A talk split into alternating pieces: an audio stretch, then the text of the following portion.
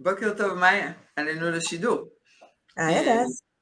איזה כיף, אמנם אה, תכננו אה, להיפגש ברדיו היום, והיינו אמורות להיפגש ברדיו, ברדיו מודיעין, בתוכנית הקבועה שלי, החיים זה לא פיקניק, אבל לפעמים כן, אבל אה, לפעמים יש כל מיני אתגרים, והיום יש לנו אתגר והרדיו לא יכול לשדר, יש איזושהי תקלה, ואנחנו במקום הם לא ויתרנו על השידור המרתק שלנו, ובעיניי מאוד מאוד חשוב, ויכול לתת ערך ולתרום ללא מעט משפחות והורים וילדים, וחשבתי שנכון לא לוותר עליו, ובפורמט אחר בעולמנו הקטן, אה, אה, לטובת הצופים שלנו, אנחנו בכל זאת נעשה את השידור, אז אה, תודה על ההתגייסות וההבנה.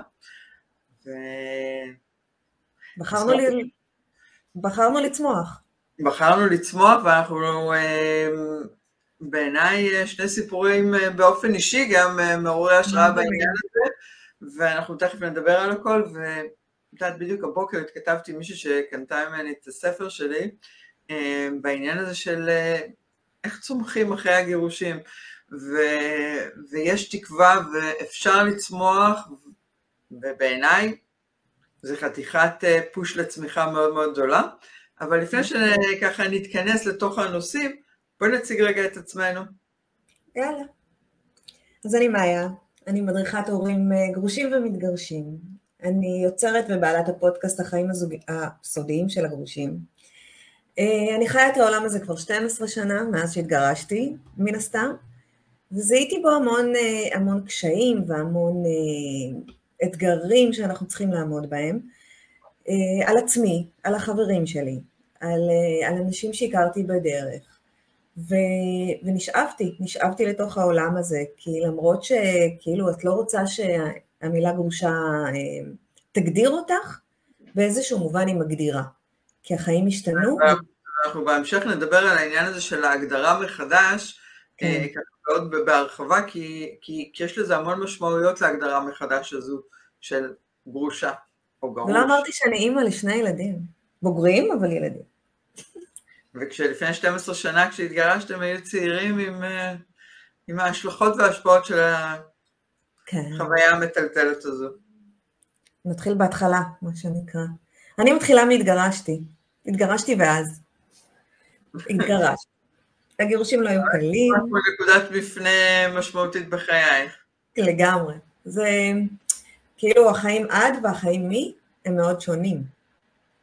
אמ, חתנתי עם אהוב ליבי אה, מבית ספר, ו... ואחרי 15 שנה התגרשנו. והגירושים לא היו קלים בכלל.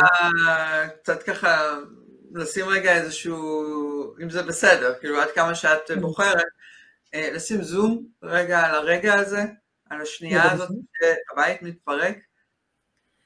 אה, התגרשתי לא מרצוני, לא רציתי. אה, התגרשתי כי, כי הוא לא רצה, ואי אפשר לכפות מישהו, אה, לכפות על מישהו להישאר בקשר הזה. אז אני עדיין הייתי מאוד מאוהבת, ואני אתן לך את הדקה, את הדקה ש, שדיברנו במטבח בבית הקודם.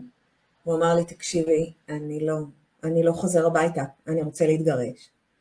ונכנסתי לשירותים שם, ו, ונפלתי על הרצפה. מבחינתי נפלו לי השמיים, את יודעת, איבדתי שיווי משקל, איבדתי בחילות, מה שאת רוצה, הגוף הגיב קשה. זה מדהים איך, איך הגוף uh, מביע כאב, זאת אומרת, זה, זה משהו שאני עד לפני שהתגרשתי לא ידעתי שכאב uh, של הלב, מרגישים אותו בכל העצמות בגוף, בכל נכון. מקום בגוף. אני לא יכולתי לעמוד על הרגליים, פשוט התמוטטתי uh, בשירותים הקטנים של האורחים, ובכיתי ואז אה, אספתי את אה, שאריות הכבוד העצמי שנשארו לי, ויצאתי, והוא שמע את הכל כאילו מבחוץ, אבל עד... לא הייתי מוכנה להראות לו את זה. ואז הוא אמר, טוב, בוא, בואי נדבר על מה עושים מעכשיו. כאילו, ואני אמרתי, לא יודעת, אני לא יודעת לנשום בלעדיך, אז כאילו, לדבר, גזמת. אה, אבל אז התחלנו תהליכים של גישורים ועניינים וזה, ואני התחלתי איזשהו טיפול, אבל הרגע ההוא אה, היה אני בשירותים על הרצפה, כי הרצפה, הרגשתי שהרצפה נשמטת לי מתחת ל, לרגליים, אני לא יכולה לעמוד בכלל. כואבת בכל הגוף, ובוכה את נשמתי, בגדול. זה, זה היה הרגע. ואז איך את מספרת לילדים? איך, איך, איך זה עובר הלאה? כי עד שמספרים לילדים, אבא עוזב את הבית ומנסה דברים אחרים. כמה זמן אחרי הוא עזב את הבית? שנתיים. לא. שנתיים אחרי השיחה הזאת? לא, לא, לא, לא, סליחה. אחרי השיחה הזו התגרשנו כבר, אבל הוא היה שנתיים מחוץ לבית, הוא גר אצל אה, אימא שלו ואחר כך הוא שכר דירה, כי נורא ניסינו. היו שנתיים של ניסיונות לראות איך זה יעבוד, איך זה לא יעבוד. אחרי זה הוא כבר, הוא הרי לא היה בבית והיינו צריכים להודיע לילדים, ועשיתי טעויות, כי לא כל כך ידעתי איך ולא היה לי למי לפנות. היום אני יודעת את זה יותר טוב. שהיום זה ממש אה, אה, משהו שהוא כל כך חשוב לך מהחוויה האישית שלך, שזוגות חדשים שנמצאים במקום הזה, שיעשו את זה נכון יותר. תראי, דיברתי עם עשרות ילדים. הם זוכרים את זה. הם זוכרים את השיחה הזאת. הם זוכרים אותה מצוין. אה, ולכן נורא חשוב ש... שיהיה בה אה, איזשהו... אה, צריך שיהיה לה מבנה, צריך שהיא תהיה מוכנה, צריך, אנחנו תכף נגיע לשיחה הזו, אבל okay. היא אוקיי. צריכה להיות מאוד מובנית, כי מה שקורה זה שבתקופה הכי גרועה בחיים שלנו, כשאנחנו מפחדים נורא, כי את יודעת, כשאני עומדת בבית הישן שלי ויודעת שאני צריכה למכור אותו, כי לא יהיה לי כסף להחזיק אותו וכי הוא צריך להתחלק לשניים עכשיו. ואני יודעת שהמשכורת שלי הרבה יותר נמוכה מהמשכורת שלו, והוא הולך עם המשכורת שלו, עם מזונות, אבל עם המשכורת שלו. אז אני יודעת שכל... אני לא יודעת איך אני אסתדר כלכלית, אני לא יודעת איך אני אסתדר באופן כללי, כי הביחד שלנו היה באמת מגיל נורא צעיר, איך אני אהיה לבד. אני לא יודעת מה יקרה, איך אני אגדל את הילדים בלעדיו. זאת אומרת, אני הייתי האימא הנורא אה, רכה, ואני הייתי השוטר הטוב והוא היה השוטר הרע, הוא שם גבולות. אני לא יודעת לשים גבולות, אין לי מושג איך עושים את זה. ואיך אני מתמודדת מול ההורים שלי והמשפחה שלי. זאת אומרת, אנחנו נמצאים בנקודה הכי הכי נמוכה, כשאין לנו אנרגיות בכלל לת... לכלום. אנחנו... וזה פחד אימים, זה פשוט פחד משתק. זה פחד קיומי. ויש לנו ילדים שצריכים אותנו. וגם הם ייכנסו לפחד קיומי בשנייה שנגיד להם. והם צריכים אותנו חזקים, והם צריכים אותנו יודעים מה להגיד להם ומה לתת להם. ואנחנו לא במצב נפשי לעשות את זה. כאילו, בדיוק כשאנחנו מתפרקים, ואנחנו, אין לנו אנרגיות לתת לאף אחד, מגיעים, במקרה שלי, שני היפים האלה, הקטנים והמתוקים האלה, שלא עשו כלום, הם בכלל לא צעד בעניין הזה. שזה לא דבר מאוד מאוד חשוב, זה בדיוק מה שכתבתי ככה בהקדמה שלנו לשידור היום, זה שהילדים בעצם נגררים לתוך הסיטואציה ההזויה הזאת, בלי שבכלל היה להם זכות לא להגיד להם, לשתף במה דעתם, בלי לקבל החלטות. הם פשוט כופים עליהם את העובדה שזה המצב ממחר בבוקר, כן. או אפילו מהשנייה הזאת, ותתמודדו. יום אחד באים אליהם ואומרים להם, חברים, כל מה שהכרתם עד היום, איננו. אנחנו אה, נפרדים, אתם תצטרכו לחיות בשני בתים. כשאני חושבת על עצמי, אם הייתי צריכה לעשות את זה, זה היה באסה. כאילו אין לך מקום, אתה, אתה רץ משני מקומות. אה, אבל שוב, אנחנו נורא, אה, נורא משליכים על הילדים את החששות שלנו. ילדים הרבה יותר אה, גמישים מחשבתית מאיתנו. זאת אומרת, הם מתרגלים לזה מהר, אבל בעיניי זה נראה אסון. יש משפחות שלא ממשיכות לגור באותו מקום. שבגלל שהמצב הכלכלי מאוד מאוד אה, מידרדר פתאום, הם כבר לא יכולים להרשות לעצמם את הבית ספר היקר, או, או לגור באותו מקום יקר. אז גם המארג החברתי שלהם, כאילו, הם בלי החברים, הם בלי הבית ספר, הם בלי הרגלים, הם בלי החוגים. ויום אחד באים ואומרים, כל מה שאתה מכיר, משתנה. אין שום דבר שהם יכולים לעשות בנידון, אף אחד לא שאל את דעתם. הם בסיטואציה, כאילו, הם נקלעו לסיטואציה. ולכן חשוב לעשות את זה נכון. אז איך עושים את זה נכון? אה, כן. יש בכלל איזה אה, אה, רשימה כזאת שאפשר לעשות אותה, או... כן. מה עושים פה? מה, מה כן, עושים כן. יש דרך נכונה לעשות את זה, ויש דרך, זאת אומרת, מובנית ונכונה, שממלאה את הצרכים שלהם. לפני זה, אבל... מה? היא נכונה בעצם כמעט לכל הסיטואציות? היא גנרית. מה שאני נותנת כאן הוא, הוא גנרי, הוא מתאים לכולם, אבל צריך לעשות התאמות. זאת אומרת, okay. אוקיי. יש ילדים עם צרכים מיוחדים, ויש ילדים שהם יותר רגישים, ויש ילדים שהם פחות רגישים, ואתה, כאילו, מי מכיר אותם יותר מההורים שלהם? אז אפשר לצפות סיטואציות ולהיערך אליהם, אבל אני, אני אתן את זה בצורה אחרת, אני אגיד לכם מה הילדים צריכים מכם כרגע. אוקיי. Okay. ולפי זה נבנה את השיחה. אז קודם כל, הילדים צריכים שתבינו אותם. הילדים צריכים שתראו רגע את הצד שלהם. אני אמרתי ואני אגיד את זה שוב, אנחנו נמצאים בנקודה הכי נמוכה בחיים שלנו, גם אם זה אנחנו רצינו לפרק, גם אם אנחנו לגמרי שלמים עם ההחלטה, גם אם אנחנו, זה עדיין פירוק של בית, זה עדיין רגשות אשם, זה עדיין מחשבות של האם זה טוב לילדים, האם טובתי האישית יותר טובה מטובת הילדים. אנחנו נמצאים במקום לא טוב, לא משנה מאיזה צד זה הגיע, ואנחנו עדיין צריכים לקום בבוקר עם חיוך ולחבק את הילדים ולהבין אותם, ולהבין אה, ש, שצריך לתווך להם את המציאות הזאת. עכשיו שנייה, אני, אני פותחת סוגריים ואומרת, זה לא אסון, אוקיי? זה לא חייב להיות אסון, הגירושים. המשפחה אומנם מתפרקת בתצורה הנוכחית שלה, אבל היא משנה צורה. עדיין יהיו להם אימא ואבא שאוהבים אותם. בשני בתים, וכנראה ההורות, ההורות משתפרת עם הגירושים, אבל uh, זה לא סוף העולם. זאת אומרת, זה לא חייב להיות uh, איזשהו משבר טרגי, זה יכול להיות אה, משהו מתמשך. נכון, בעצם מה שאת אומרת זה ש, שלפני שאנחנו בכלל מתווכים את זה לילדים, כדאי שאנחנו קודם כל, גם אם אנחנו נכון. הצד הנעזב, נאמין ש, אה, שאומנם אנחנו משנים את צורת המשפחה, כן. אבל דברים טובים עוד עתידים להיכנס לנו, ובאמת נאמין בזה, גם אם כרגע אנחנו לא, לא מסוגלים לומר מעבר למסך העשן והכאב והשחור ש, ש, שאנחנו מרגישים. אבל כן. אנחנו חייבים להאמין ש, אה, שמשהו טוב יצמח פה ונוכל להיות שם עבור הילדים שלנו, כדי שנוכל לשדר להם את זה, כי אחרת איך נשדר להם את זה? אתם צריכים לדעת שזה לא טרגדיה, זה לא סוף העולם. זאת אומרת, אתם לא הורסים לילדים את החיים. לא, אתם משנים להם אותם. להפך, אני חושבת, מחקרים הראו שעדיף אה, לחיות בשני בתים, מאשר לחיות בבית אחד שיש בו קונפליקט מתמשך, שכל הזמן רבים, או שיש אלימות, או ש, שכל הזמן יש התנגשויות בין ההורים, זה משפיע לרעה על הילדים יותר מאשר... אז אתם לא עושים להם את החיים, נתחיל בזה. עכשיו בואו נהפוך צד ונסתכל על הילדים. הילדים לא יכולים לקום בבוקר ולראות שאבא עזב, או אמא עזבה. זה לא יכול לקרות. הם צריכים לדעת את זה מראש, ולכן השיחה.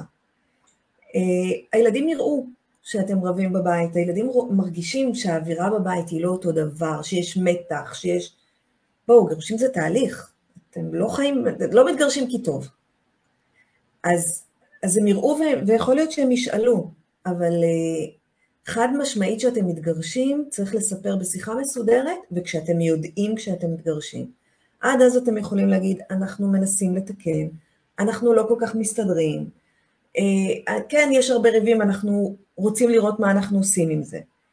Uh, לתת את החותמת הסופית, רק כשאתם uh, יודעים שזה זהו. שסיימתם מבחינתכם. כי גם אה, לשנות את דעתכם ולהכניס אותם לתוך העניינים של ה... לא, תראי, אמא בגדה, אז אני לא יודע מה לעשות עם זה, לא, זה לא מתאים להם, זה לא תואם. זו השאלה הבאה שרציתי לשאול אותך, עד כמה משתפים את הילדים? במינימום. מה בעצם הגבולות גזרה של, שמעדכנים אותם, משתפים אותם? מה חשוב להגיד ולא להגיד להם? אז בשיחה הזו שני דברים חשובים. קודם כל, אה, הוודאות והיציבות של הילדים זה משהו שנורא נורא חשוב. תחשבו על הקורונה שנייה, כשלא ידענו מה קורה, איך הרגשנו. הרי, הרי כולם היו בלחץ, אני לא יודעת, אני ניקיתי את הבית מרוב לחץ וצבעתי ושיניתי ולא ידענו מה הולך לקרות מחר. ודאות נותנת לנו איזשהו ביטחון ואיזשהו שקט נפשי. ולכן בשיחה הזו אתם צריכים לדעת כל מה שהולך לקרות ולספר להם את זה. אמא תעזוב מחר את הבית.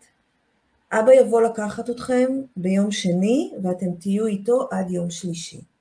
אתם נשארים בחוגים שלכם. אתם עוזבים את החוגים שלכם. אתם נשארים בבית ספר עד שנעבור דירה. אה, אנחנו מתכוונים לעבור דירה ב', כל מה שאתם יודעים. אתם צריכים לשבת, קודם כל בואו נתחיל בזה, אתם צריכים לתכנן את השיחה ביחד. לא יכול להיות שאתם תכננו את השיחה כל אחד לבד, השיחה הזאת צריכה לבוא משניכם. אתם מסכימים מראש על סיבת הפרידה. רצוי שהיא תהיה אבא ואימא לא מסתדרים, או אה, אנחנו, זה לא עובד לנו כזוג. עוד יותר חשוב להגיד שהילדים אין להם שום חלק בפרידה הזאת. כי אם הם חושבים שיש להם חלק בפרידה הזאת, חשוב מאוד. אם הם חושבים שיש להם חלק בפרידה הזאת, זה נותן להם כוח. ואז הם חושבים שהם יכולים לשנות את רוע הגזירה. והם ראו מספיק סרטי דיסני כדי לדעת לתכנן את זה. להפגיש אתכם במקרה, לתת לכם יד ביד, לעשות כל מה שהם ראו בסרט. אם הם חושבים שיש להם כוח, התגובה תהיה, אבל אני מבטיח שאני אתנהג ממש יפה אבא. תישאר. הלכתי לכיוון הזה כשאמרת את זה, זה שכשהם מרגישים שהם אשמים, הם לוקחים את זה לתחושת אשם מאוד מאוד גדולה, ואז זה מתחיל לנהל אותם, והאיסורי מצפון ותחושת האשם הזו, היא לא דבר שיעזור להם בבניית לא הערך העצמי שלהם ולא בהמשך חייהם, זה... זה יהיה עד הסוף. בעיניי הרסני מאוד. זה יהיה עד סוף, זה ילווה אותם עד סוף ימיהם, הם יצטרכו המון טיפולים פסיכולוגיים ולא בטוח שזה יעבור, כי זה כל כך מושרש, כי זה, הם לא ידברו את זה החוצה, הם ירגישו את זה בפנים, אני אשם, אני הרסתי. תראו לכם מה זה ללכת עם אשמה. כל החיים ללכת עם שק על הגב, אני אשם. שאני אחראי על פירוק הבית. בדיוק. אז הילדים צריכים לדעת, משתי הסיבות האלה, הילדים צריכים לדעת שהם לא אשמים. א', אין להם כוח לתקן, ב', הם לא יכולים לסחוב את האשמה הזאת. פשוט לא יכולים. הם גם באמת לא אשמים. לא, מה שזה לא יהיה, הם בטח לא אשמים בסיפור. אז בהרבה שיחות אנשים אמרו לי שהילדים דרדרו את המצב בבית. כי עד שהגיעו ילדים הכל היה בסדר, והכל היה סבבה, ופתאום הקשיים, ופתאום התגלה שהיא אוהבת את הילדים יותר ממני, או פתאום התגלה שהוא אבא שלא מגיע, שוב, גנ... דוגמאות גנריות הפוך זה גם. אה, ופתאום יצא ממנו, ופתאום אה, הזוגיות שלנו לא קיבלה מקום, ופתאום זה. חבר'ה, זו בחירה שלכם, זה לא הילדים. בחרתם להביא ילדים, תבחרו איך לנהל את הזוגיות. עזבו, זה לא הילדים. הילדים באמת באמת לא אשמים, ואם הילדים אשמים, לכו לטיפול. זה לא, זה לא סיבה. אמ, אז דבר ראשון אמרנו, הילדים לא אשמים, דבר שני, תמצאו סיבה שלא מכניסה אותם לסוד העניינים. אמא בגדה, אבא ברח להימורים, לא, לא להכניס את זה בכלל, זה לא דבר שהם צריכים לדעת. א', כי זה לא מותר גיל. למרות הכעס ולמרות הזעם, שזה אחד מ... מ בעיניי גירושים זה סוג של אבל, ואחד משלבי אה, אה, האבל זה כעס. כעס מאוד גדול. כעס שאתם אה, אולי אוחזים בו באותה תקופה, באותו רגע. הילדים הם לא המקום להשתלח בבן הזוג שלכם, ולהוציא עליהם את הכעסים שלא מיועדים אליהם. מאוד מאוד חשוב לא לכעוס את הכעס שלכם על בן הזוג באמצעות הילדים. תכעסו, באמת, בואי בוא, בוא נגדיל את המאגר לא, הזה. לא. בדיוק, בואי נגדיל את המאגר ונביא את סבא וסבתא, שגם כועסים, כי הוא אשם והוא פירק להם את הבית, ואת החברים ואת הדודים. לכולם יש מה להגיד בנושא הזה. ואני נגיד פגועה וכועסת, כי הוא ויתר עליי, כי הוא לא בחר בי, והיה לי נורא קשה. אבל, אבל הילדים זה לא, זה לא המקום שלהם לדעת את זה. כי גם כשאת, אה, לכי לחברה, תשפכי, לך עם, האח, עם החברים לים, תטנף, אבל לא מול הילדים. כי הילדים הם ילדים של שניכם, זורם בהם אדם של אימא ושל אבא. ולכן, אם אתה אומר לו שאבא חרא או אימא נבלה, זה חצי מהאדם שלו, זה גם הוא. ומה קורה כשאתה אומר לו, אימא שלכם לא בסדר, והוא אוהב את אימא, אז עכשיו הוא אמור לא לאהוב את אימא, כי היא לא בסדר? ואל תשכחו גם שאתם המשענות הכי גדולות שלהם כרגע, ואם הם מאבדים אחד מעמודי התווך של החיים שלהם, אה, זה כבר מביא אותה לנושא של ניכור הורי, אבל אנחנו לא ניכנס בו, אבל אם אתם באמת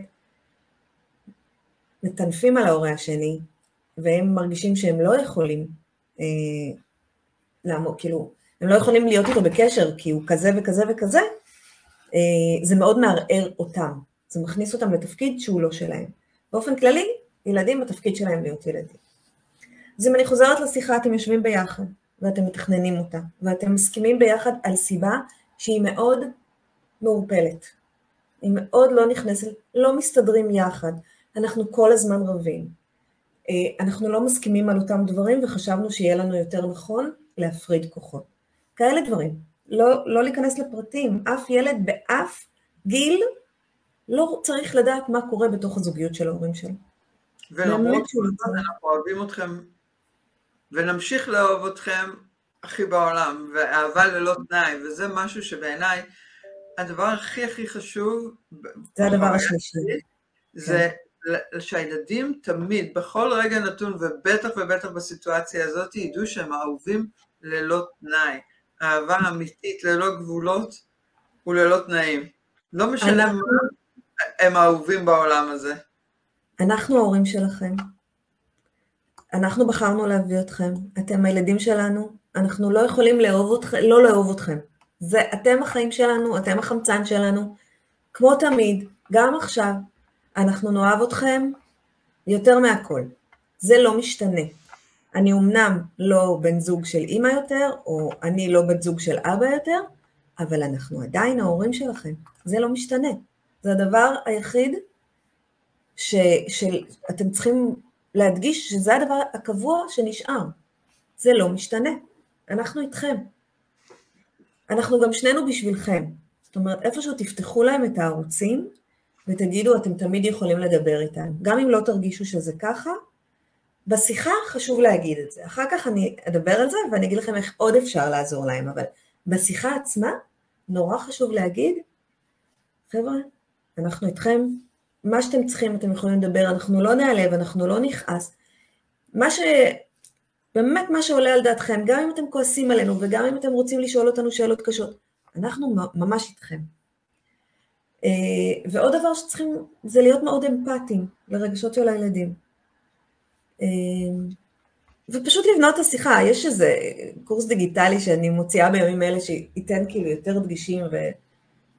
ביותר זמן ויותר אה, פירוט, אבל אלה ארבעת, אה, ארבעת או חמשת הדברים שצריכים להיות בשיחה. אנחנו רוצים... שאלה, שאלה חשובה נוספת. כן. האם לשתף אותם גם ב, ב, בכאב שלנו? נניח, אני הצד הכואב, הנעזב, האם אני יכולה לשתף את הילדים בכאבים שלי, בפחדים שלי? האם זה נכון לשתף את הילדים בזה? זה תלוי גיל. וללמד אותם שיתוף? או שזה עלול להיות... יש דברים שכן ויש דברים שלא. כלכלית לא, אף פעם לא. אה, אי אפשר להגיד לילדים... כלכלי החדש, אבל עכשיו הדברים משתנים. מה שיכולתי להרשות להם עד היום, אני לא בטוח יכול להרשות להם מחר. אפשר בהחלט להגיד, התקציב שלנו משתנה. אני אחראית על התקציב, אני יודעת, יהיה לנו פחות דברים, יהיה לנו פחות אה, זה, אבל לא להכניס ל... אני לא יודעת איך אני אחיה, אני חייבת למצוא עוד עבודות, אני לא יכולה לפרנס אתכם. לא, לא להכניס אותם לפחדים כאלה, כי זה משהו שהם עדיין לא מוכנים להתמודד איתו, גם לא בגיל 17. בגיל 17 אפשר להגיד להם, חבר'ה, אני מממנת עד כאן וכאן, אתם מממנים את הבילויים שלכם מעבר. אפשר להגיד, אה, חברים, אנחנו, יש לנו פחות כסף כרגע, אבל לא להגיד אין לנו כסף. אין לנו כסף זה... זה עוד משהו שעלול להפחיד אותם. אני לוקחת משכנתה, אני לוקחת הלוואה, לא להכניס אותם לזה.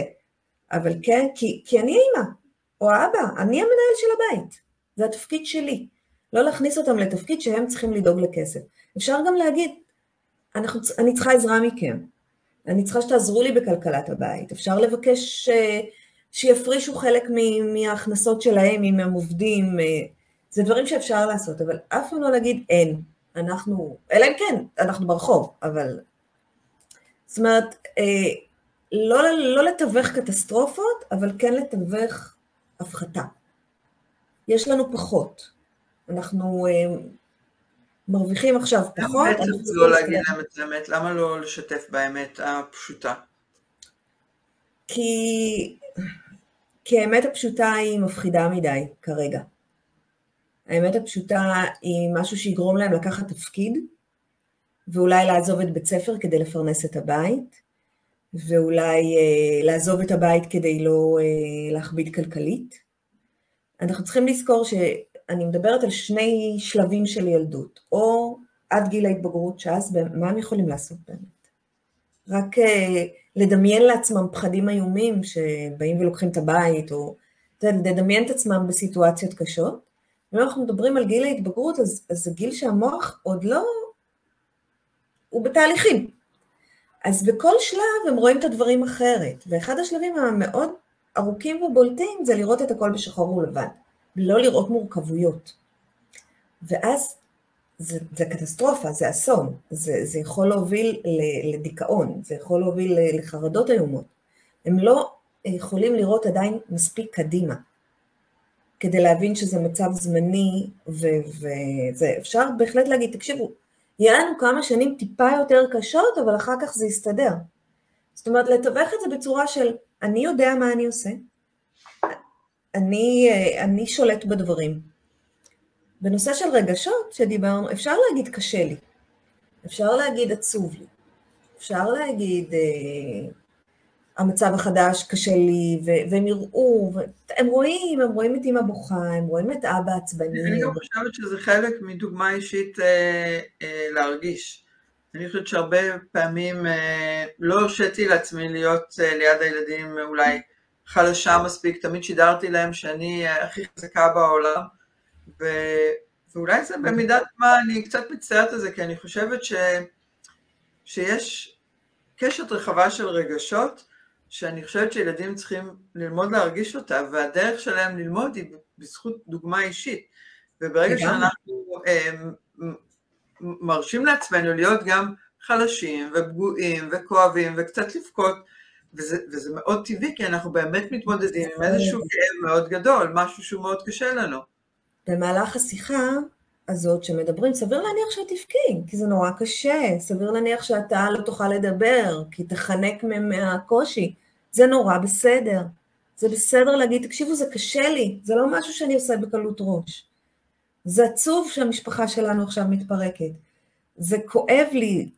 אה, אם נחזור לתיאור הראשון שתיארתי לך, שהלכתי לשירותים, התפרקתי, התמוטטתי, ואז שמתי את המסכה ויצאתי החוצה, אז זה לא נכון. כאילו, במי לא שיתפתי ברגשות שלי? בבעל שלי? בחבר הכי טוב שלי? אותו לא, מולו הייתי צריכה את הפסאדה? אבל אולי זה, מספר, אולי זה מספר את הסיפור שקדם לזה. נכון, זה קצת גאווה. יש פה איזשהו אה, אה, אה, קושי שאנחנו בעצם מאפשרים לעצמנו להיות שקופים, כן. מול האנשים שהכי קרובים אלינו. אנחנו בסדר. לא נותנים לעצמנו את הנוכחות שאנחנו רואים, יכול להיות שאם היינו שם קודם עם יותר נוכחות ושיתוף, אז אולי דברים היו יכולים גם אה, ללכת למקומות אחרים. להיות אחרת, אין ספק. זה אחד הדברים שלמדתי במהלך הגירושים ובמהלך התהליך שעברתי אחריו, זה שילדים יכולים לגלות שאנחנו אנושיים. זה בסדר גמור. להפך. אם הילד יראה שאני נשברת... ממש תגלית, אה? זה ממש תגלית, אנחנו לא וונדר וומן, אנחנו אנושיות. כי בילדות הם רואים אותנו כגיבורי על, אבא שמרים אותי על הכתפיים ויכול הכל, אין דאגות, ההורים פה, הכל בסדר.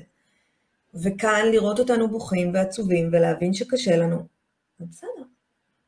זה ייתן להם לגיטימציה להרגיש שקשה להם גם. להגיד שקשה להם, זה בדיוק מה שאמר, המילה שאמרת, modeling, זה בדיוק זה. הילדים יעשו מה שאנחנו עושים. ה modeling, אני, אני יכולה להגיד לך, באמת, אני חושבת שכל מה שעשיתי, ואני כבר עשרים שנה אה, כמעט גרושה מאבי בנותיי, כל מה שעשיתי לאורך העשרים שנה היה תמיד אה, מתוך מחשבה מה שתי, אה, ארבע, ארבע עיניים שצופות בי רואות, ולא מה אני מספרת להם או מדברת, אלא מה פיזית הן רואות כדוגמה אישית. את יודעת, אני תמיד נתתי את הדוגמה הזאת שהורים אה, כועסים על הילדים, לא לשקר ולא לשקר, זה איזה ערך כזה ש... וכועסים עליהם אם הם משקרים, אבל אז ככה בלי שהם שמים לב, את יודעת, גם אם איזה מושב, אז תמיד היו ככה מתגנבים לבריכה בלי מנוי וכל מיני כאלה פטנטים. אז הילדים רואים את זה. את יכולה להגיד לילד לא לשקר 200 פעם, אבל אם את תעזרי לו ככה להתפלח לבריכה, אז כל בעיה. הסיפורי אלף לילה ולילה שדיברתי איתו על לא לשקר, בטלים באותה השנייה, כי מה שהמודלינג, מה שאת מתנהלת באמת, זה מה שהילד יקלוט ויקח איתו. הלכת רחוק, אסור לשקר. ואז יש טלפון, אוי, זאת אימא שלי, לא בא לי לדבר איתה. תגיד לה שאני לא בבית. ממש ככה. אנחנו לא עונים. או שאתה בא, איפה היית? אה, הייתי אה, נורא נורא עסוקה כשהילד ראה אותך יושבת בבינג' בנטפליקס. כל הדברים האלה, הם רואים. ולא יעזור כמה תגידי לו לא לשקר. זה הדבר בדיוק, שלא יהיה טעויות. הם רואים, הם רואים מה אנחנו עושים, ובמובן הזה, דרך אגב... איך אנחנו צומחים מפה? מה? איך אנחנו צומחים מפה?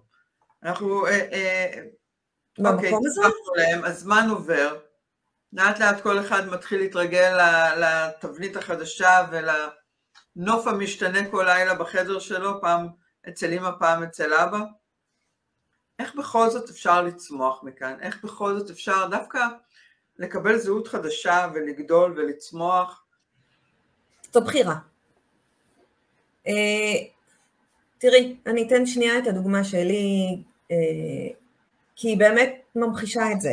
אני, אחרי שהתגרשתי, אה, שבוע אחרי זה הגרוש שלי כבר התחתן, וכבר היה בדרך להקים משפחה חדשה, וכמה חודשים אחרי זה הוא הודיע לי שהוא עוזב את הארץ, והם בונים את המשפחה החדשה שלהם בארצות הברית. זה אומר שאני נשארתי, לא מבחירה שלי, גרושה, אה, בבית, צריכה לפנות בית ענק לבית קטנצ'יק, נשארת לבד עם שני ילדים בארץ, שאני עדיין לא סגורה על איך לגדל אותם, אה, ובחרדה כלכלית, כי אני מרוויחה הרבה פחות, ובחרדה של אה, את נורא רוצה זוגיות אחרי זה, אבל מי, מי ייקח אותך? אין לך ימים, את מגדלת את הילדים שלך 24/7. היו הרבה אנשים שאמרו לי, סליחה, לא מתאים לי להיכנס לכזאת מערכת יחסים. אה, ואת באמת, כאילו, כולך ככה, בערימות של עפר. קורבן של החיים, קלאסית. עכשיו, את יודעת, זה, לא בחרתי בזה. באף אחת מהסיטואציות האלה לא בחרתי. והיא ללא ספק סיטואציה מאתגרת ביותר. כן, ולא בחרתי אותה. זה החיים שניתנו לי. והיו לי שתי אופציות. יכולתי להתמרמר על החיים שלי, מה שעשיתי, תקופה לא, לא, לא מבוטלת, ולבכות על מר גורלי. או להחליט שאוקיי, זה מה יש, ועם זה ננצח, אז בואו נראה מה עושים. Uh, קיבלתי עזרה, הייתי בטיפול פסיכולוגי, הטיפול הפסיכולוגי הזה מאוד מאוד עזר לי להבין מה אני רוצה. אני חושבת שבפעם הראשונה בחיים שלי שאלתי את עצמי מה אני רוצה. לא מה הוא רוצה, לא מה הילדים צריכים, לא מה ההורים שלי מצפים ממני, מה אני? מי אני? זו השאלה שעושה את ה-game change. כאילו מי אני בלעדיי? זה ה-game changer, זה משנה את כל חוקי המשחק. ברגע שאנחנו מתחילים לשנות את השאלה ומתחילים לשים את הפוקוס על עצמנו, על הצרכים שלנו, על מה אנחנו רוצים, על מה אנחנו צריכים, כל חוקי המשחק משתנים, ומפה בעצם אנחנו מתחילים את תהליך הצמיחה שלנו. אבל זו שאלה מאוד קשה. מאוד. זו נשמע שאלה מאוד פשוטה, ומה הבעיה, וברור שאנחנו יודעים מה לענות עליה, אבל היא לא... אני התחתנתי ילדה. אני התחתנתי בת 24. מה אני עכשיו... אני עוד לא הייתי בת 20 כשהתחתנתי פעם ראשונה. אוקיי. את יוצאת מילדה, את יוצאת אישה עם ילדים, מי אני? מי אני בלעדיו? מי אני כשאין לי את ההגדרה של אשתו של? מי אני כשאין לי את ההגדרה של אימא של? פעם ראשונה בחיים את מכניסה את עצמך בסדר העדיפויות. כי עד עכשיו הרי לא נספרנו. הילדים צריכים, זה צריך, צריך, הכל היה בצריכים. מי, מי אני ואיך אני אה, עושה עבור עצמי? איך אני סופרת את עצמי? עכשיו, אני לא אגיד לך שתמיד הייתי במקום הראשון בסדר העדיפויות שלי גם אחרי, כי תמיד הילדים היו קודם. אבל פתאום את מעיזה לחשוב על מה את צריכה, ואז את הולכת להורים שלך. אתה בכלל מודע לאיזשהו צורך שלך, ואתה נותן לו איזושהי אה, לגיטימציה ומעביר את זה למודע, זה כבר משהו שזה כבר נוכח, זה כבר משהו שאתה תשאף להשיג אותו. שנתיים. אנחנו לרוב אפילו לא יודעים מה אנחנו רוצים וצריכים. אנחנו עובדים על אוטומט, קמים בבוקר, הולכים לעבודה, מוציאים את הילדים לבית ספר, חוזרים, שיעורים, עניינים, סיפורים, עוד יום עבר ועוד יום עבר, ו- ו- והזמן רץ, ואנחנו בכלל לא מבינים מי אנחנו? מה, מה אני אוהבת? מה אני רוצה לעשות? תחביבים, יש לי תחביבים? כאילו צילמתי כל החיים שלי, בסדר, אבל יש עוד משהו שאני אוהבת? יש עוד משהו שאני טובה בו? אנחנו מאוד מוסל... אני מאוד מוסללת בדרך שלי, זאת אומרת, אני בן אדם מאוד אה, שאוהב אנשים ומאוד הומני, והוסללתי לריאלי. סיימתי אה, בית ספר ריאלי ואוניברסיטה, ו... ופתאום הגיע הזמן, בגיל 40, להסתכל על עצמי ולהגיד, אני לא אוהבת מתמטיקה, אני לא, אני לא טובה בזה. אני רוצה לעשות משהו שאני טובה בו. רק בגיל 40. אני ב-47 החלטתי שאני, הדבר שאני הכי אוהבת זה לכתוב, ובגיל 50 כתבתי ספר פעם ראשונה. אז, אז אני כל כך מבינה אותך, זה... איפה אנחנו? את גם מדברת על זה בספר שלך. המון, המון. כל, כל הדברים שאנחנו מדברים עליהם פה, הכל מופיע בספר, אומנם דרך סיפור של הגיבורה, אבל, אבל לגמרי כל הנושאים האלה... הגיבורה הזאת מספרת סיפור של המון אנשים, לא רק נשים, שלא יודעים מי הם ונשאבים לתוך המערכת הזו, שלא שמים את עצמם בסדר עדיפויות בכלל. בכלל, מתוך המון סיבות, דווקא הסיבות שאת נותנת הן טובות. כמו זיקית, הם מקבלים את הזהות שלהם באמצעות הסביבה שהם נמצאים בה. אם זה את טובה, ואם זה את סקסית, ואם זה את אה, אה, חזקה וחכמה. כל אחד נותן לך איזושהי זהות, וברגע שהוא יוצא מחייך, הוא לוקח איתו את הזהות, אז מי אני כשהוא, כשהוא הולך? מה נשאר פה? מה, מה, מה, מי אני כש, כש, כשהוא לא פה? אז זה תהליך לגילוי העצמי. זה תהליך, אה, אה, אם אה, מתמסרים אליו ונותנים לו את, ה, את המקום, שם מתחילה הצמיחה. שם מתחיל האור, פתאום קרני השמש מתחילות להיכנס לחיים, וכשהן מתחילות להיכנס לנו כאימהות, כאבות, מן הסתם באופן טבעי זה גם מקרין על כל הבית, זה מקרין על כל המשפחה ונותן המון אור ו...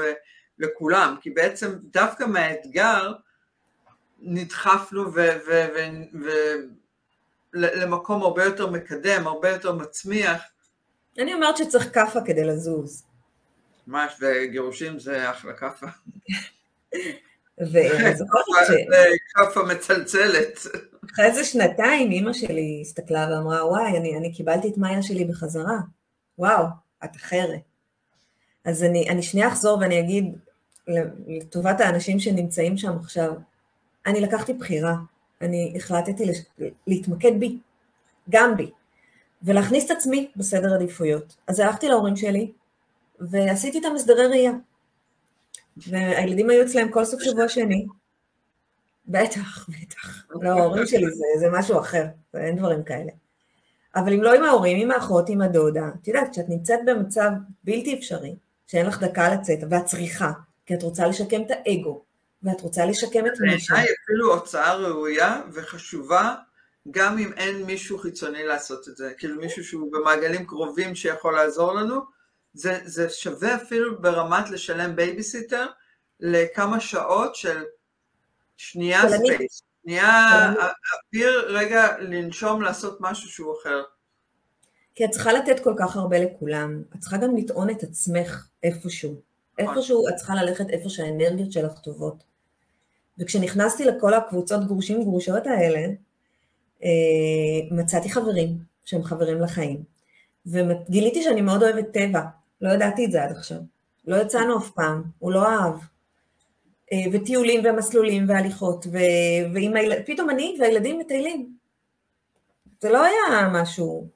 תבינו שכשיצאתי מהשירותים כאלה, אז אה, כשגיליתי שאני מתגרשת, וכשמצאתי את עצמי לבד עם שני ילדים, ההבטחה הגדולה שלי לעצמי הייתה שאני אצליח להביא אותם בגיל 18 בחיים.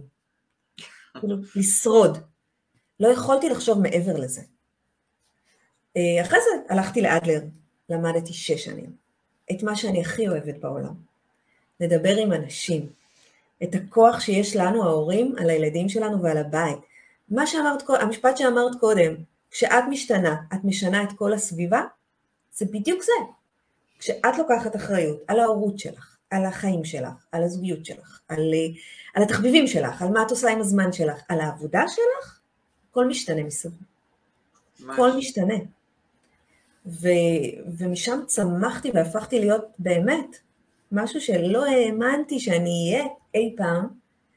אה, אתה יודע, אני כבר לא האישה הקטנה, כבר יש לי עסקים, כבר יש לי, יש לי עסק ויש לי פודקאסט ויש לי זה ויש לי זה, ואני מתראיינת ואני בעולם, ואני מוציאה את מה שאני חושבת החוצה, וואו, אני מדברת, אני לוקחת מקום לעצמי. תראי איפה התחלתי, זה לא זה. ועוד לא סיימתי, כי ההתפתחות הזאת לדעתי היא עד הסוף. ברגע ש, שאתה עוצר שנייה ולומד על עצמך, ו, ובודק ורואה, אני, אני קשה לי להסביר כמה המתנה הזאת גדולה. אני חושבת שבעיניי, עבורי, זה המודלינג הכי ראוי שאנחנו יכולים להעביר לילדים שלנו. את יודעת, הבת שלי כתבה השבוע, עברה איזשהו משהו, היא פרסמה בפייסבוק שלה, אה, אה, תמיד ללכת עם הלב, וכתבה על משהו מאוד יפה, שאמרתי לעצמי, איזה כיף לי שהיה לי את ההזדמנות להראות להם, גם כשהם כבר בגילאים יותר מאוחרים, יותר בוגרים, עדיין איזושהי דוגמה אישית של ללכת עם הלב, גם אם, אם הוא לא קונצנזוס, גם אם לא כולם מרגישים איתו בנוח ויש כאלה שאומרים גבה, אבל להיות נאמנה לעצמי, להיות נאמנה ללב שלי ו, ולהוציא את הדברים החוצה, וכשאת רואה שהילדים שלך הסתכלו ו, ו, ולקחו מזה דוגמה אישית, נכון. אין נחת גדולה יותר מזה בעיניי, כאילו זה, עבורי זה... לא הם יבחרו מה לקחת, יש להם את הדוגמה שלך, יש להם את הדוגמה של אבא שלהם, הם יבחרו לאן הם לוקחים, מה הם עושים, והם בחרו בזה. אני אה, אתמול, אה, אני מאוד אוהבת סופות.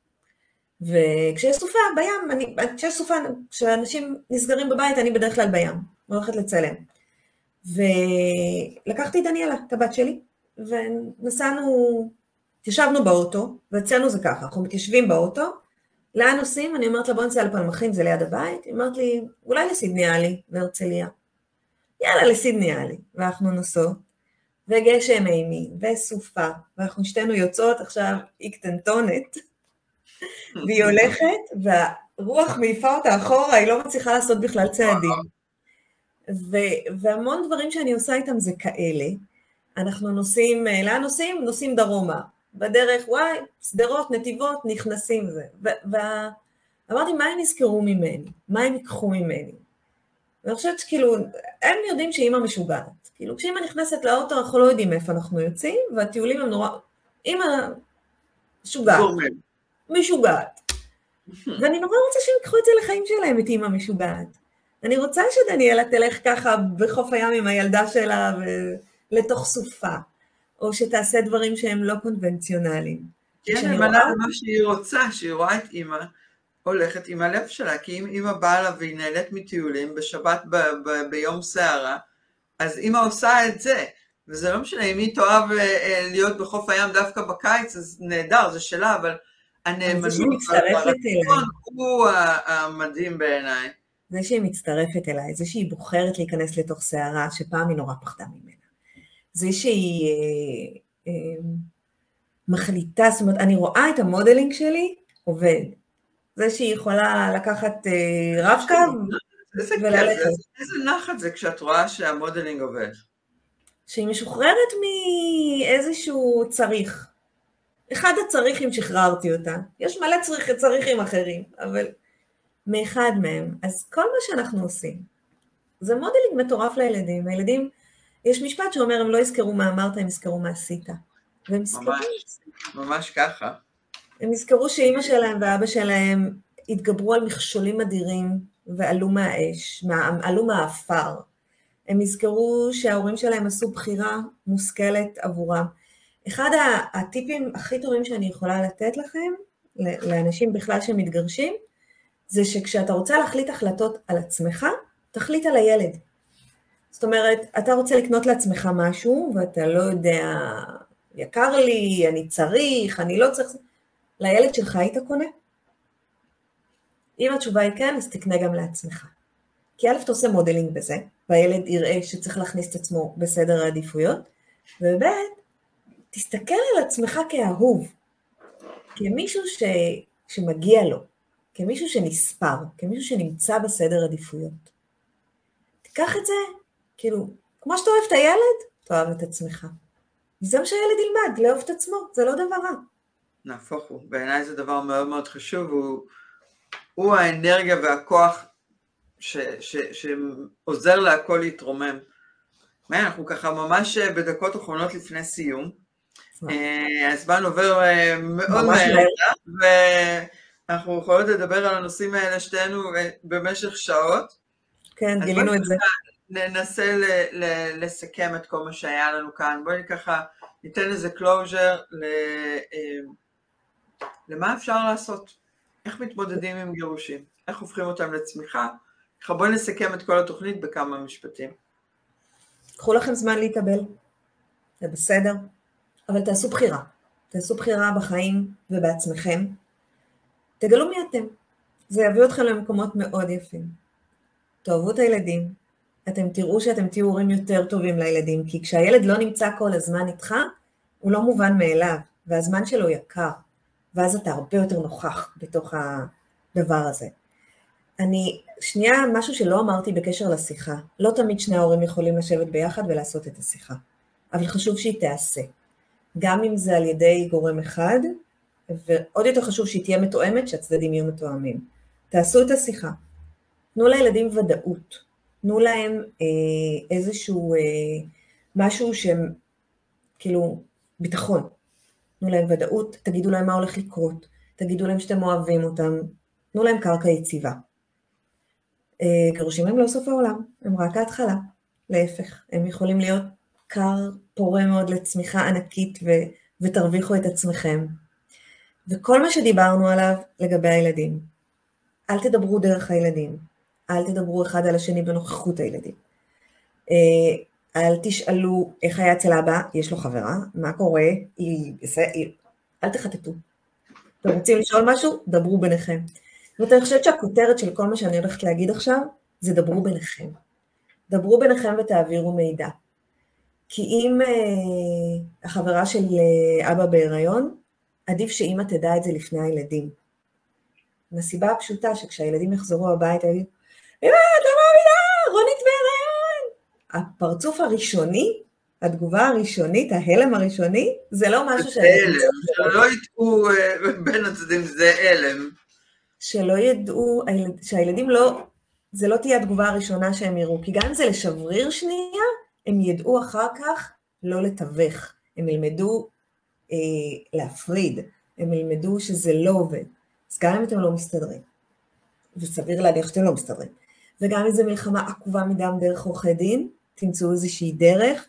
אה, יש לי מדריך חינמי באתר שלי, איך לדבר קונקרטי, רק ענייני, רק עובדות, כדי שילד לא ירגיש חרא כי הוא שכח את הספר שלו אצל אימא, ועכשיו הם לא מדברים והוא יגיע בלי ספר לבית ספר. ואני אשמח או... שאחר כך אה, תתני את ה... אה, בתגובות, תרשמי את הלינק לאתר שלך כדי שיוכלו אה, להגיע אני, לזה. אני אתן לכם ממש את כל הדברים שיש שם. דברו, דברו, דברו ביניכם, גם אם זה רק ענייני, גם אם אתה לא סובל אותה, גם אם הוא הבן אדם האחרון שאת יכולה לדבר איתו בעולם, כבר שמעתי איך מדברים עם השטן. הילדים לא בתוך זה, פשוט לא בתוך זה, וזה קשה, אני אומרת את זה, אבל זה קשה מנשוא, כי, כי נור, זה נורא אנושי אה, להוציא את הדברים האלה. זה נורא אנושי לרצות להגיד להם, אני רוצה שהם ידעו מי זאת אימא שלהם, או אני רוצה שהם ידעו מי זה אבא שלהם. זה לא אבא שלהם, זה הגרוש שלך. זה לא אותו דבר. והם לא צריכים לדעת מי זה אבא שלהם. אם, אם הם צריכים לגלות, הם יגלו בהמשך. נכון. אל תעלמו לילדים. אל תעלמו לילדים, בשום פנים ואופן. זה ממש חשוב. זה ישליך להם על כל החיים קדימה. זה ישליך על הזוגיות שלהם. הם יהיו מרצים יותר. הם יהיו ילדים שייכנעו לאלימות, הם יהיו ילדים שיעשו מה שהצד השני רוצה, רק לא לחוות דחייה עוד פעם, או שהם יימנעו בכלל. אמ, זהו, אני חושבת שזה הכי... אני, אני הייתי מוסיפה עוד דבר אחד, שאני חושבת שהוא מאוד מאוד חשוב, וזה ככה יותר אה, האמת אה, להורים מאשר אה, לילדים, זה העניין הזה של הקורבנות. אני חושבת שאם נסתכל על, על ה... כשאת סיפרת קודם את החוויות שעברת עם, ה, עם הגירושים, עם הפרידה, זו תחושה נוראית, ו, ומאוד קל להישאב לתחושת הקורבן. כן. קורבן הנסיבות, ו, והתחושה הזאת היא מנהלת אותנו בתקופה מסוימת, ורק ברגע שאנחנו נשחרר את הרווחים, אני קוראת לזה רווחים שאנחנו משניים מהעליות קורבן הזה, לא ונשחרר את המקום הזה, אנחנו נוכל בעצם להתחיל את תהליך הצמיחה שלנו. כל עוד אנחנו, עשו לנו, פגעו בנו, הוא אשם, הוא הרס לי את החיים, זה לא אני, זה הוא פגע בי בכל החיים, כשאנחנו מתנהלים מהמקום הזה, הסיכוי שלנו לצמוח הוא הרבה הרבה יותר קשה. אבל once ויתרנו על זה, אנחנו מתח... ולוקחים אחריות על החלק שלנו בתוך הדבר הזה, אנחנו יכולים לצמוח ולגדול. אם הוא אשם, מה אני יכולה לעשות? אם זה נעשה לי, מה, מה אני יכולה לעשות אם לא להתבוסס בזה? אבל אם שאני... אני אומרת, אוקיי, הוא אשם, אני הקורבן, אבל אני בוחרת לקחת אחריות על המצב, פה אני יכולה להתנהל. ואל תטעי, הרווחים מקורבנות הם מדהימים. כי כל הסביבה בידך, ואת החלשה והמסכנה, וכולם ירחמו וכולם יזדהו ולא יאשימו אותך בכלום. זה רווח מאוד גדול, אבל זה לא אה, מקדם אותנו לשום מקום. נהפוך הוא, זה מקבע אותנו במקום הזה ומאוד קשה לוותר על הרווחים האלה בתור אה, קורבן. נכון. גם אם הם כביכול אה, אה, לא נעימים, אבל זה עדיין רווחים שמקבים אותנו ומשאירים אותנו באותו... זה תשומת לב, זה רווחים, זה לדבר עליו, זה הרבה דברים, אה, אבל במהלך הבחירה בנו ובחיים שלנו, אנחנו צריכים לעשות, להוריד את זה מסדר, מסדר היום ולהתמקד במה אני יכול לעשות. מאיה, היה לי לעונג לשוחח איתך, אבל לצערי נגמר לנו הזמן. אז חברים, אפשר לצמוח, מניסיון יש פה שתי הוכחות שאפשר לצמוח ולצמוח גבוה אחרי גירושים, וגם הילדים יוצאים בסדר גמור. אני מאוד גאה בבנות שלי, אני חושבת שלמרות הגירושים, הם צמחו להיות נשים מדהימות, ואני גאה בשתיהן מאוד מאוד מאוד. אז יש תקווה והכל יהיה בסדר. אם אתם עדיין זקוקים לעזרה, גם אני, גם מאיה פה לשירותכם. מאיה זו ההתמחות שלה, היא מתמחה ב... ילדים להורים גרושים. בילדים להורים גרושים ובהורים גרושים, משפחות גרושות, משפחות שבונות את עצמן מחדש בוורסיה חדשה, אז אם אתם נמצאים שם, מאיה היא לגמרי הכתובת המקצועית עבור זה, מוזמנים לקנות את הספר החדש שלי, יומנה של גרושה, שככה משתף ומתאר את הסיטואציות, אז אני לא הצגתי את עצמי קודם, אז אני אציג את עצמי עכשיו. נעים מאוד, אני הדס, הדס דרגצקי אגמון, אני הבעלים של קבוצת הדס, סופרת, היום אני יכולה להגיד סופרת, וואי, אני מתרגשת להגיד את המילה הזאתי. ספר הביקורים שלי יצא, יומנה של גרושה. מי שרוצה אפשר להשיג אותו אצלי בפיד בפייסבוק, או לפנות אליי בכל דרך שהיא. מלווה עסקים, מלווה אנשים להצלחות ולמקום הבא שלהם. והיה לי לעונג, מה היה לארח אותך בואי אצלי היום בתוכנית, אמנם לא ברדיו, אני מבטיחה לך אה, אה, רעיון חוזר אה, ברדיו כמו שזה, אבל לפחות לא ויתרנו ועלינו גם ככה, אז המון תודה על הגמישות וההבנה. אני רוצה שנייה להגיד שחובה לקנות את הספר של הדס, אני קראתי אותו, ואני חושבת שצריך לקרוא אותו. מעבר לזה שזה באמת הנאה גדולה והוא כתוב יפה ורהוט, אה, הוא חשוב ממש, ממש. וואו. אני, אני על העדים מה, מהמחמאות שיצא לפני עשרה ימים, ממש ככה סמוך לפסח, ואני רוצה להגיד שכל החג הזה הייתי על העדים מהתגובות והמחמאות, ואני מרגשת אותי. את מבינה שאנשים קוראים אותו מרגשת אותי. אם את מקבלת עכשיו תגובות, אז אנשים קוראים אותו בנשימה, אי אפשר לעצור בכלל. נכון, האמת שכן, האמת שאחד התגובות שחזרו על עצמם, זה לא יכולתי להוריד את הספר מהיד, וזה בעיניי המחמאה הכי גדולה שסופר יכול לקבל על, על יצירה שלו, אז, אז אישה מבורכת בעניין הזה. לגמרי, לגמרי. מאיה, והנה ההוכחה, בגיל 50 משנים הכל. מה זה משנה? אני בשלוש שנים האחרונות החיים שלי עברו, וואו, 180 מעלות, ורק אושר גדול. בכל גיל אפשר.